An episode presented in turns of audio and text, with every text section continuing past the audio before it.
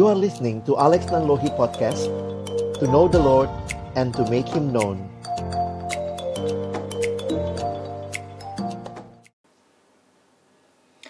Mari teman-teman kita berdoa sebelum kita akan membaca merenungkan firman Tuhan. Bapa di dalam surga kami bersyukur, berterima kasih untuk cinta kasih dan anugerahmu yang kau berikan kepada kami. Hari ini Tuhan berikan kesempatan bagi kami untuk kembali memuji, memuliakan namamu, dan juga tiba waktunya bagi kami untuk membuka firman-Mu. Kami mohon ya Tuhan bukalah juga hati kami. Jadikanlah hati kami seperti tanah yang baik.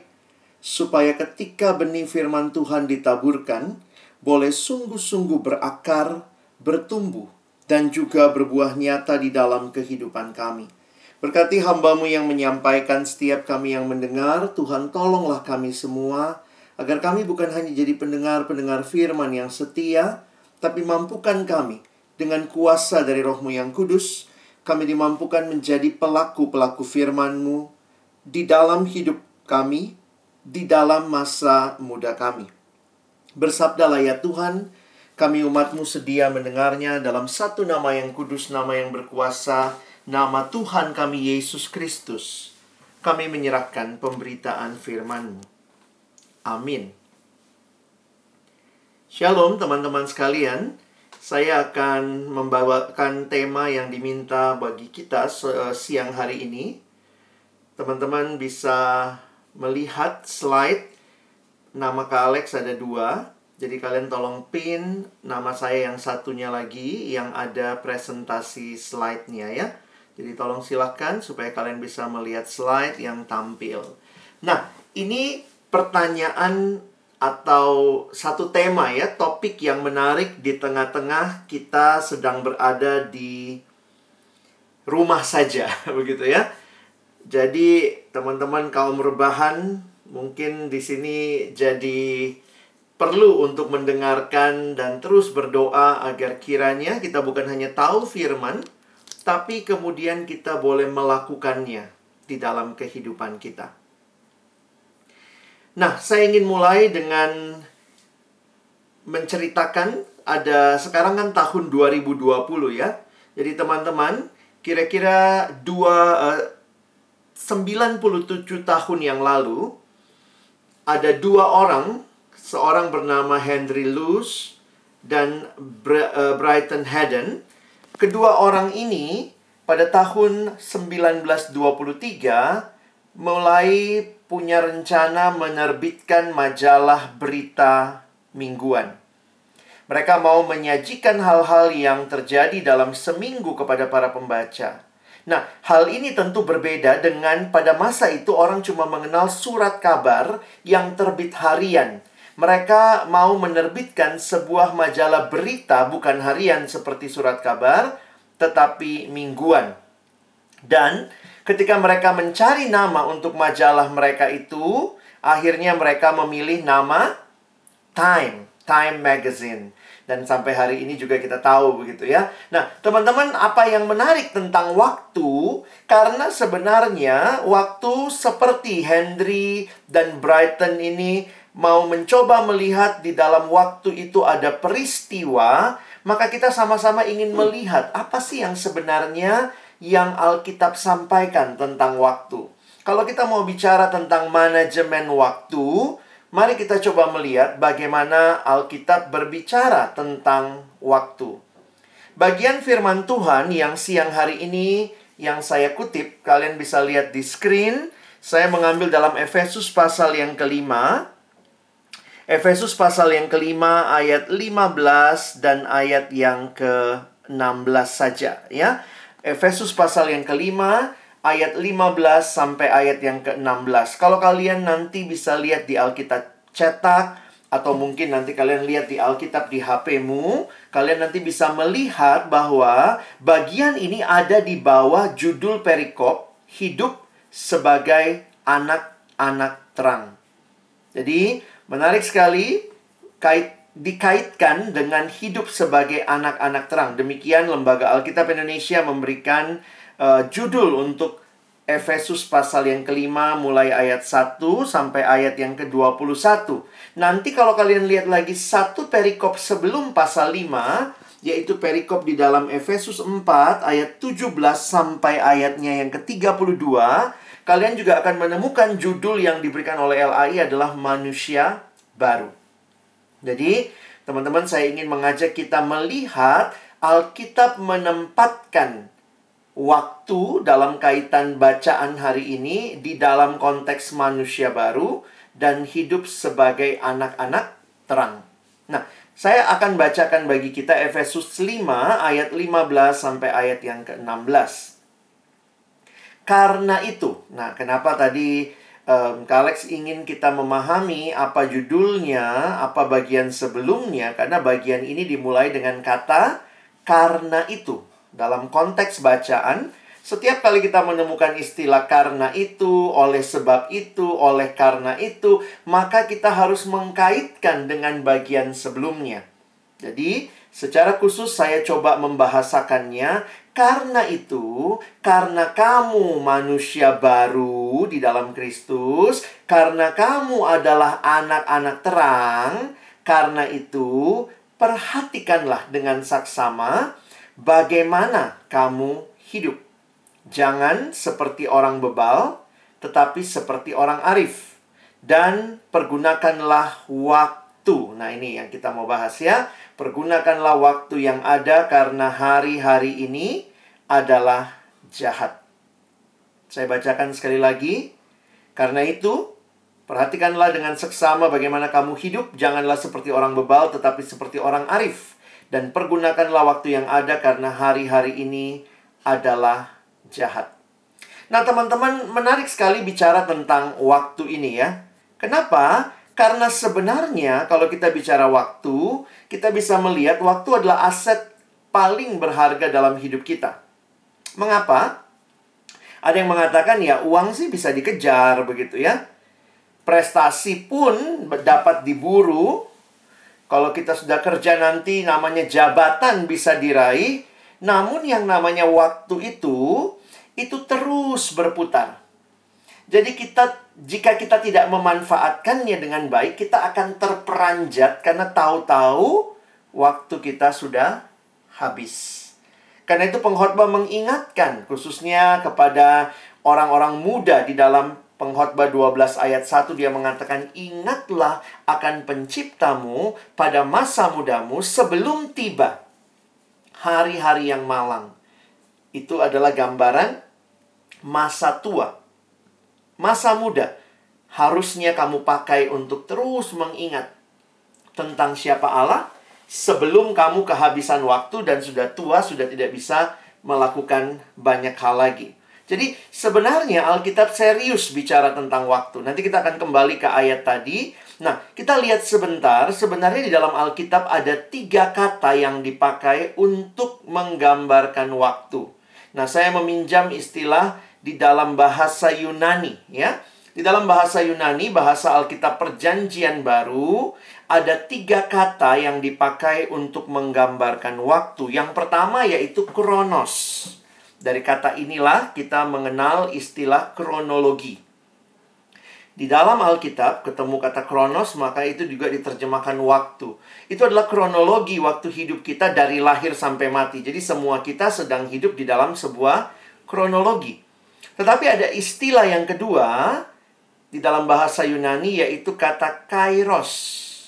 Makanya lebih tepat kalau kairos itu diterjemahkan sebagai kesempatan dalam hidup.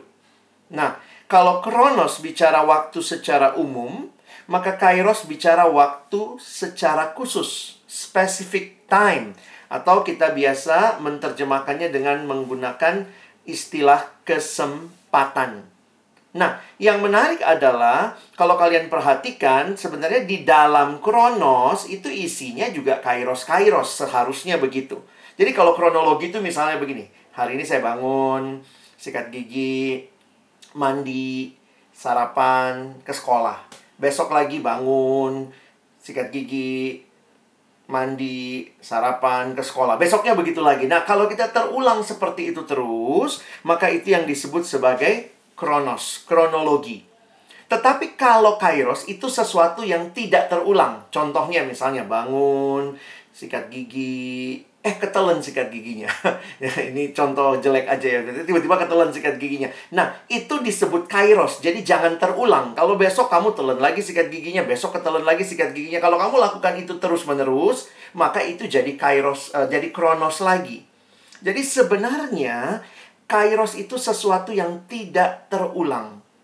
Karena itu terjadi cuma sekali itu saja. Nah, teman-teman, saya kasih contoh ya kalau kita bicara tentang bangsa kita. Kalau kalian belajar sejarah, maka kita lihat Indonesia merdeka 1945.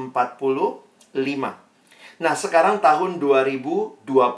Bayangkan kalian menarik garis dari tahun 45 di sebelah kiri, tarik ke kanan sampai tahun 2020. Nah, semua ini namanya Kronos. Nah, tetapi ada kairos-kairos di dalamnya. Contoh, kita punya tahun 1965 yang kita kenal misalnya dengan pemberontakan G30S PKI. Nah, itu namanya kairos. Jadi di dalam sebuah kronos ada kairos. Nah, ini yang harus kita pahami.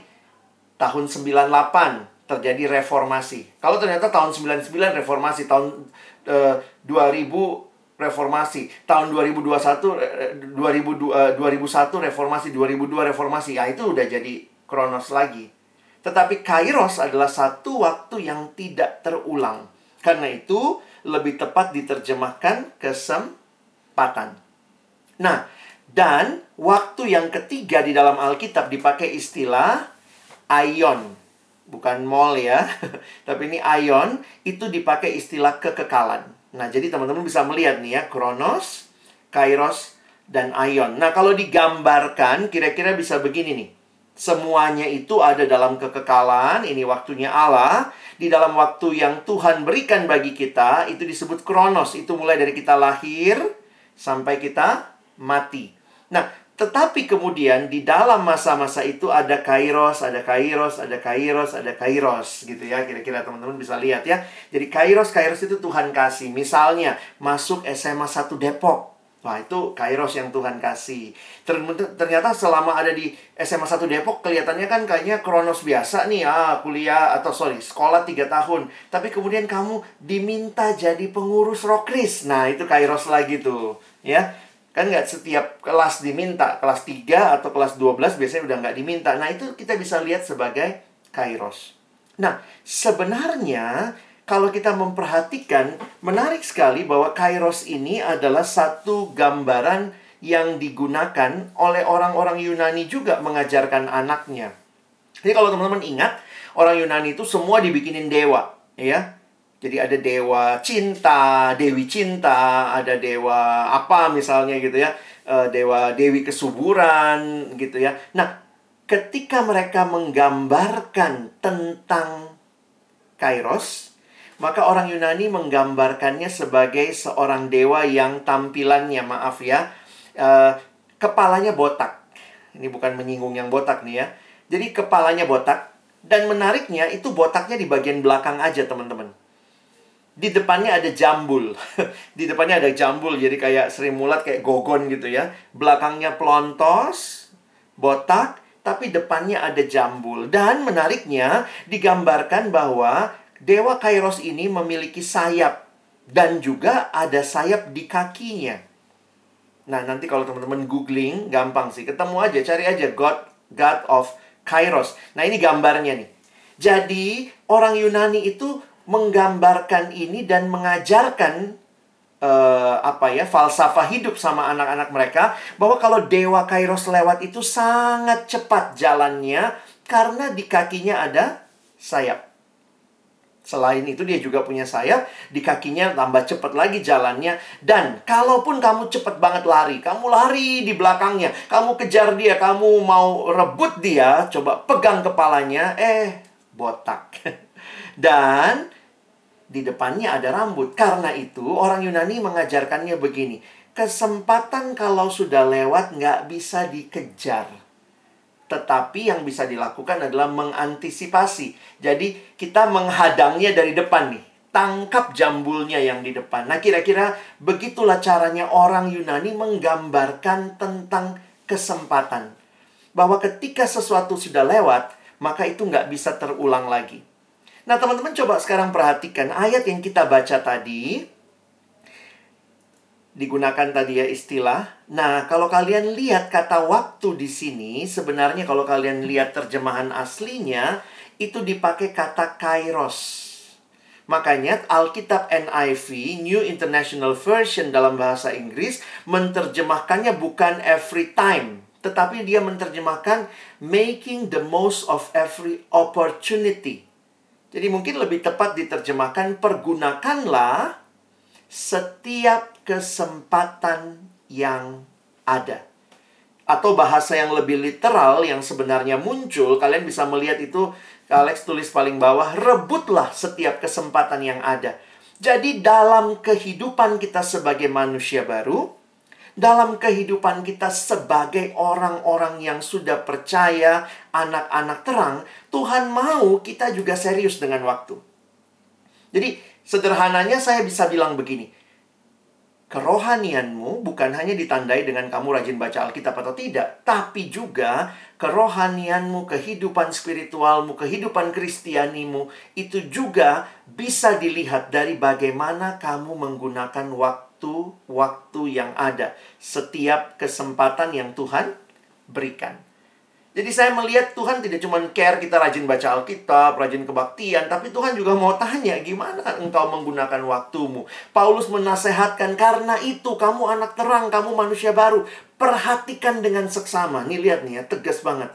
Buka matamu dalam terjemahan aslinya begitu ya. Buka matamu lebar-lebar. Perhatikan dengan seksama bagaimana kamu hidup. Dan begitu dia bicara hidup, langsung dia kaitkan. Jangan seperti orang bebal, tapi seperti orang arif. Dan apa bedanya orang bebal dan orang arif? Langsung di bawahnya. Orang bebal tentunya yang tidak bisa menggunakan waktu dengan baik. Sementara orang arif harusnya orang yang bisa menggunakan waktu dengan baik. Jadi teman-teman kita bisa begini nih. Um, kalian kasih contoh lah. Ada orang yang dia hidupnya itu sibuk sama Kronos. Nah, ini cara berpikir lah ya, cara berpikir Kronos sama Kairos. Misalnya begini, nggak ikut kebaktian minggu ini, kan masih ada minggu depan. Nggak ikut kebaktian minggu depan, kan masih ada dua minggu depan lagi, tiga minggu depan.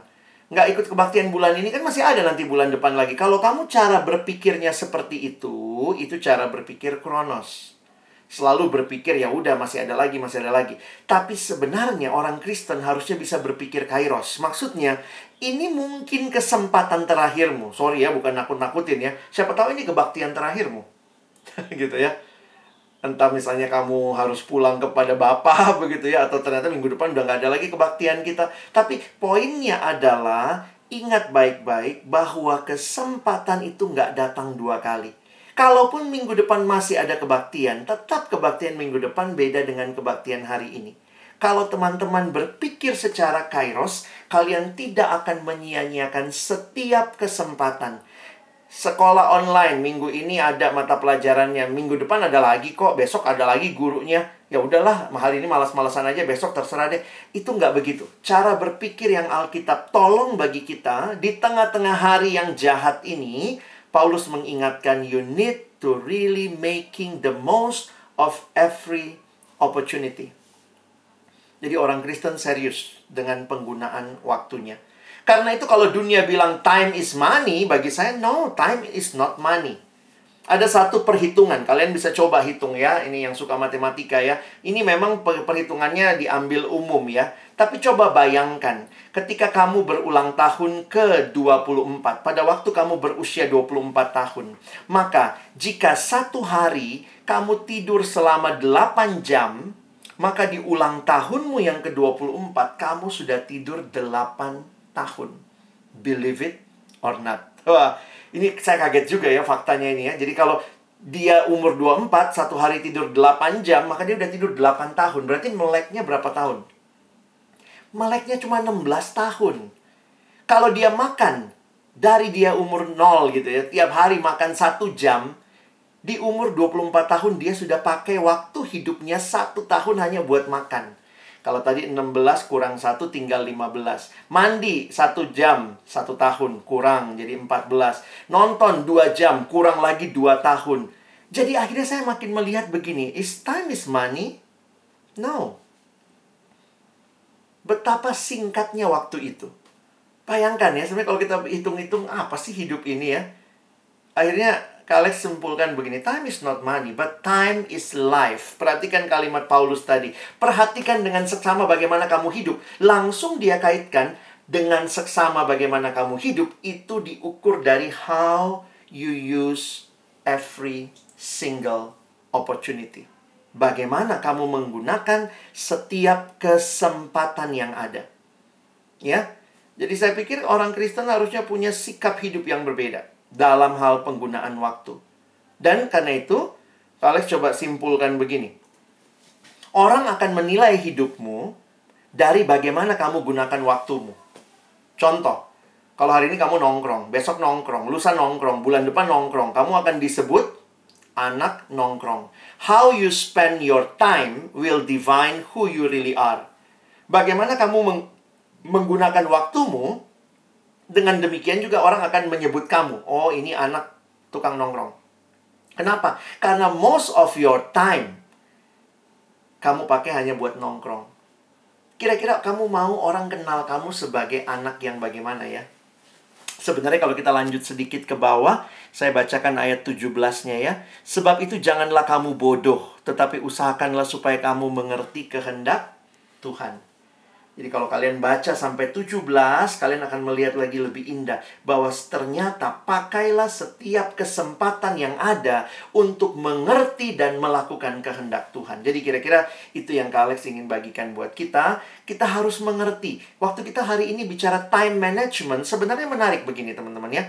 Kalau bicara kepintaran, Tuhan kasih kepintaran sesuai kapasitas kita masing-masing ya. Sorry, kita nggak bisa compare ya ada yang dikasih banyak, ada yang enggak mungkin. Bicara kegantengan, kecantikan, maaf, kita harus jujur juga Tuhan kasihnya beda-beda. Bicara tentang uh, kondisi sosial ekonomi keluarga kita beda-beda. Tentang talenta kita Tuhan kasih juga beda-beda. Ada yang bisa bisa nyanyi, ada yang kalau dia nyanyi orang nggak orang pulang begitu ya.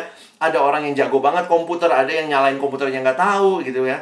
Ada ada talenta yang berbeda-beda yang kita miliki. Tetapi waktu kita bicara waktu, menarik ya. Ini adalah hal berharga yang Tuhan berikan sama untuk semua orang. Mau kamu kecil, kamu besar, kamu tua, kamu muda, kamu miskin, kamu kaya, kamu pinter, kamu bodoh, Tuhan kasih semuanya 24 jam. Jadi sebenarnya kalau saya pikir-pikir lagi tema kita manajemen waktu, sebenarnya apa sih yang mau di manajemen waktunya sama kok ada yang dapat 23 jam komplain, Tuhan saya cuma 23. Ada atau yang bilang, oh Tuhan saya dikasih 25. Nggak ada, semua kita cuma dapat 24 jam. Sehingga sebenarnya bukan waktunya yang harus di-manage. Karena waktunya kan statis gitu ya, 24 jam. Yang harus di-manage adalah hidup kita.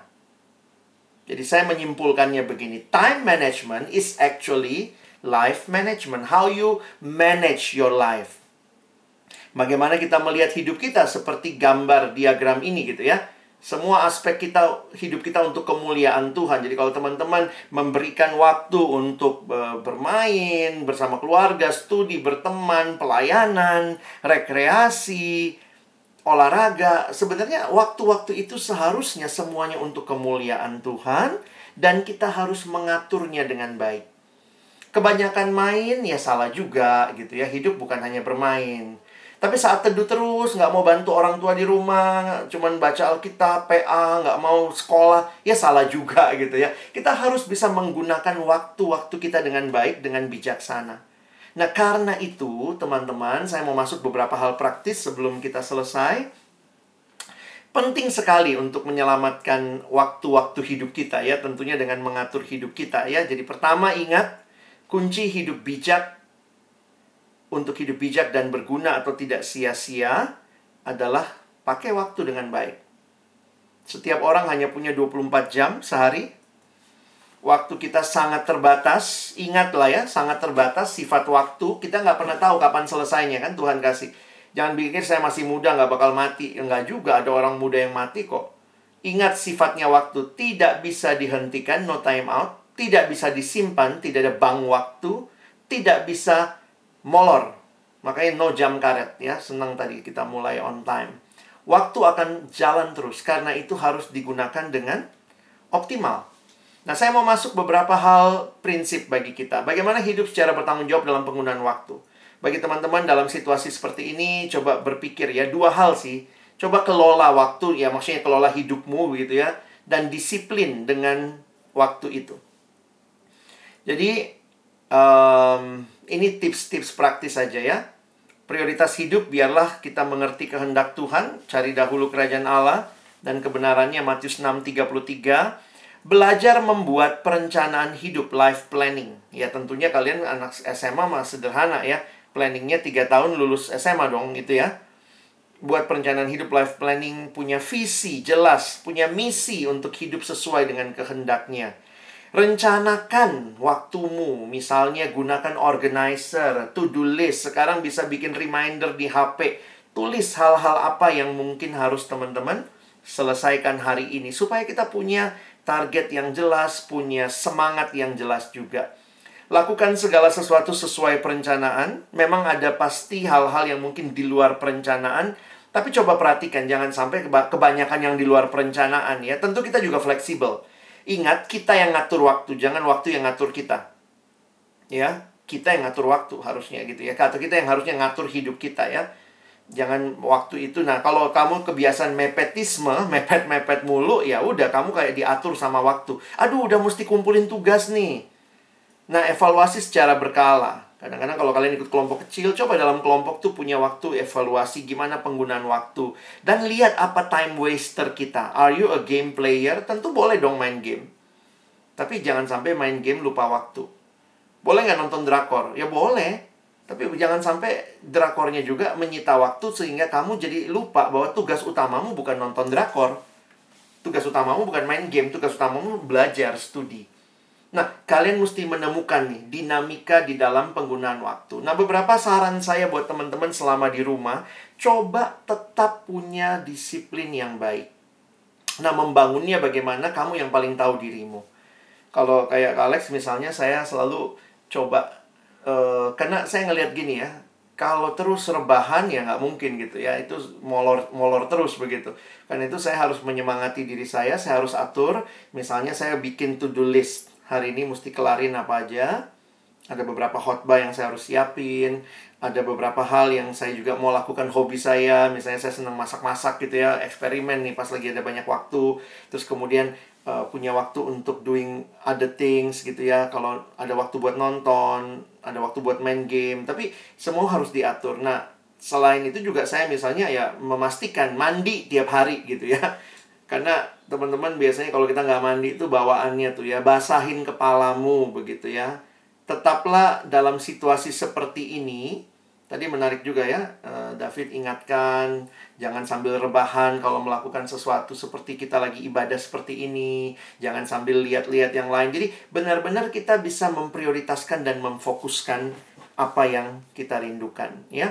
Jadi teman-teman coba cari waktu eh, menyemangati dirimu sendiri. Kenapa? Karena sebenarnya ini waktu lagi banyak nih, tanda kutip ya. Lagi lagi berlimpah kita nggak mesti pergi ke sekolah yang biasanya mungkin kamu rumahnya setengah jam ke sekolah. Sekarang nggak harus ke sekolah setengah jam. Biasanya pelajaran padat ternyata kali ini juga cuma ada berapa waktu. Apakah mungkin kamu bisa mengatur misalnya saat teduhmu lebih lama? Waktu berdoamu lebih lama. Rencanakan juga misalnya kelompok kecil tetap jalan kita sehari ini mencoba persekutuan online. Mudah-mudahan ini bukan pertama dan terakhir, tapi terus dilakukan. Kenapa? Kita nggak tahu nih sampai berapa lama kita akan seperti ini. Karena itu kita jangan kalah dengan situasi, tapi mari kita belajar disiplin untuk boleh kembali dalam hidup yang normal, walaupun kita harus menggunakan teknologi dan segala hal. Nah, gimana juga nih kalau kita rindu seperti itu mungkin kalian juga harus siapin kuota dan segala macam. Puji Tuhan kalau di rumah wifi-nya kenceng gitu ya. Tapi teman-teman tetap semua harus kita atur. Dan itu kuncinya adalah mengatur diri kita. Kita lihat apakah seluruh yang kita lakukan bagi kemuliaan Allah. Nah kalian bisa lihat sedikit Kalau kurang kelihatan, double tap di screen-nya bisa digedein. Ini kuadran waktu. Jadi di dalam ilmu manajemen, kuadran waktu ini dilihat ada empat bagian. Jadi kuadran pertama itu hal-hal yang penting dan urgent. Ada kuadran kedua, hal penting tapi tidak urgent. Kuadran ketiga, tidak penting tapi urgent. Kuadran keempat, udah tidak penting, tidak urgent. Nah, teman-teman itu diberi nama, kalau kuadran pertama itu krisis. Ini untuk teman-teman yang suka nunda-nunda pekerjaan. Nggak kenal kapasitas diri tapi nunda. Tahu-tahu besok udah mesti dikumpul. Nah, itu biasanya malamnya panik-panik ya. Kalau dulu mahasiswa dulu dibilang sistem SKS, sistem kebut semalam. Nah, kalau kamu hidupnya kayak begitu, kamu cepat mati kamu. Karena kamu krisis mulu ya. Selalu penting dan urgent. Udah besok nih, udah besok nih. Nah, harusnya yang penting itu ya kita mulai dari lebih lama begitu ya. Nah, karena itu kolom yang baik yang harus diperbesar itu sebenarnya kolom kedua. Kita tahu hal-hal penting, tapi belum urgent nih. Misalnya dua minggu lagi kumpulin tugas, maka kita mulai itu nyicil. Nah, orang-orang seperti ini orang yang bisa menentukan prioritas. Nah, lebih gila lagi yang ketiga nih, ada hal-hal yang nggak penting. Ya, drama Korea penting nggak? Ya, untuk sekarang sih mungkin jadi penting ya, tapi sebenarnya kan dalam hidup nggak penting-penting amat gitu ya. Nonton nggak nonton nggak masalah kan? Tidak penting tapi urgent. Kenapa nih? Aduh, Netflixnya habis bulan ini nih. Nggak, nggak ada lagi mau perpanjang. Jadi nggak penting tapi urgent udah mau habis nih, mesti ditonton sekarang. Nah ini dalam hidup dia orang-orang yang yes man. Kalau punya teman kayak gitu ya nggak punya prioritas kita bilang ayo ayo dong jalan ke mall. Ayo. Jadi dia nggak ada nggak penting-penting sih ikut ke mall tapi dia selalu oke okay, yes man. Apalagi mau ikut ke mana? Nah yang paling gila sih yang keempat ya kalau ternyata kalian perhatikan udah nggak penting nggak urgent lagi. Jadi misalnya apa? Uh, tiduran berlama-lama. Kita butuh tidur tetap ya meningkatkan imunitas tubuh. Tapi ini orang-orang pemalas nih yang banyak tidak penting dan tidak urgent. Coba evaluasi nanti hidupmu dalam masa-masa ini kamu lebih banyak yang mana? Harusnya sih kalau mau hidup tenang, nyaman, santai ya di kolom keduanya, di kuadran keduanya yang dibesarin ya. Tidak penting, eh sorry, penting tapi nggak urgent. Jadi berarti kita mulai nyicil. Nah, jadi teman-teman, saya pikir itu yang saya ingin bagikan buat kita. Coba evaluasi hidupmu, merindukan di dalam situasi seperti ini pun kita tetap bisa memuliakan Tuhan dengan pengelolaan waktu kita. Abang tutup langsung dengan slide terakhir, sorry. Slide terakhir saya menunjukkan seperti ini ya. Oke. Orang bodoh itu adalah orang-orang yang selalu membuang kesempatan. Orang biasa katanya menunggu kesempatan. Tapi orang pandai bijaksana adalah mereka yang mencari kesempatan. Kiranya di dalam anugerah Tuhan, sebagaimana Tuhan Yesus juga sudah memberikan teladan kepada kita, tiga tahun dia melayani. Waktu yang terbatas, hidupnya juga singkat, tapi hidup yang singkat menjadi hidup yang bermakna karena dia tahu prioritasnya dan dia gunakan setiap waktu dengan baik. Biarlah kita yang meniru Yesus pun juga bisa menggunakan hidup kita dengan baik bagi kemuliaan Allah. Amin. Mari ambil waktu untuk berdoa. Kami bersyukur kepada Tuhan buat kesempatan ini. Kami boleh belajar firman-Mu dan tolong kami di tengah-tengah situasi social distancing, physical distancing, karantina, PSBB, apa pun istilah yang sedang dipakai saat ini, kami merindukan agar kiranya kami semua boleh benar-benar menjadi orang-orang yang menggunakan waktu dengan baik. Terima kasih Tuhan untuk firman-Mu. Sekali lagi mohon tolong kami bukan cuma jadi pendengar firman, tapi jadikan kami pelaku-pelaku firman-Mu di dalam hidup kami. Kami bersyukur, berterima kasih dalam nama Tuhan Yesus kami berdoa. Amin.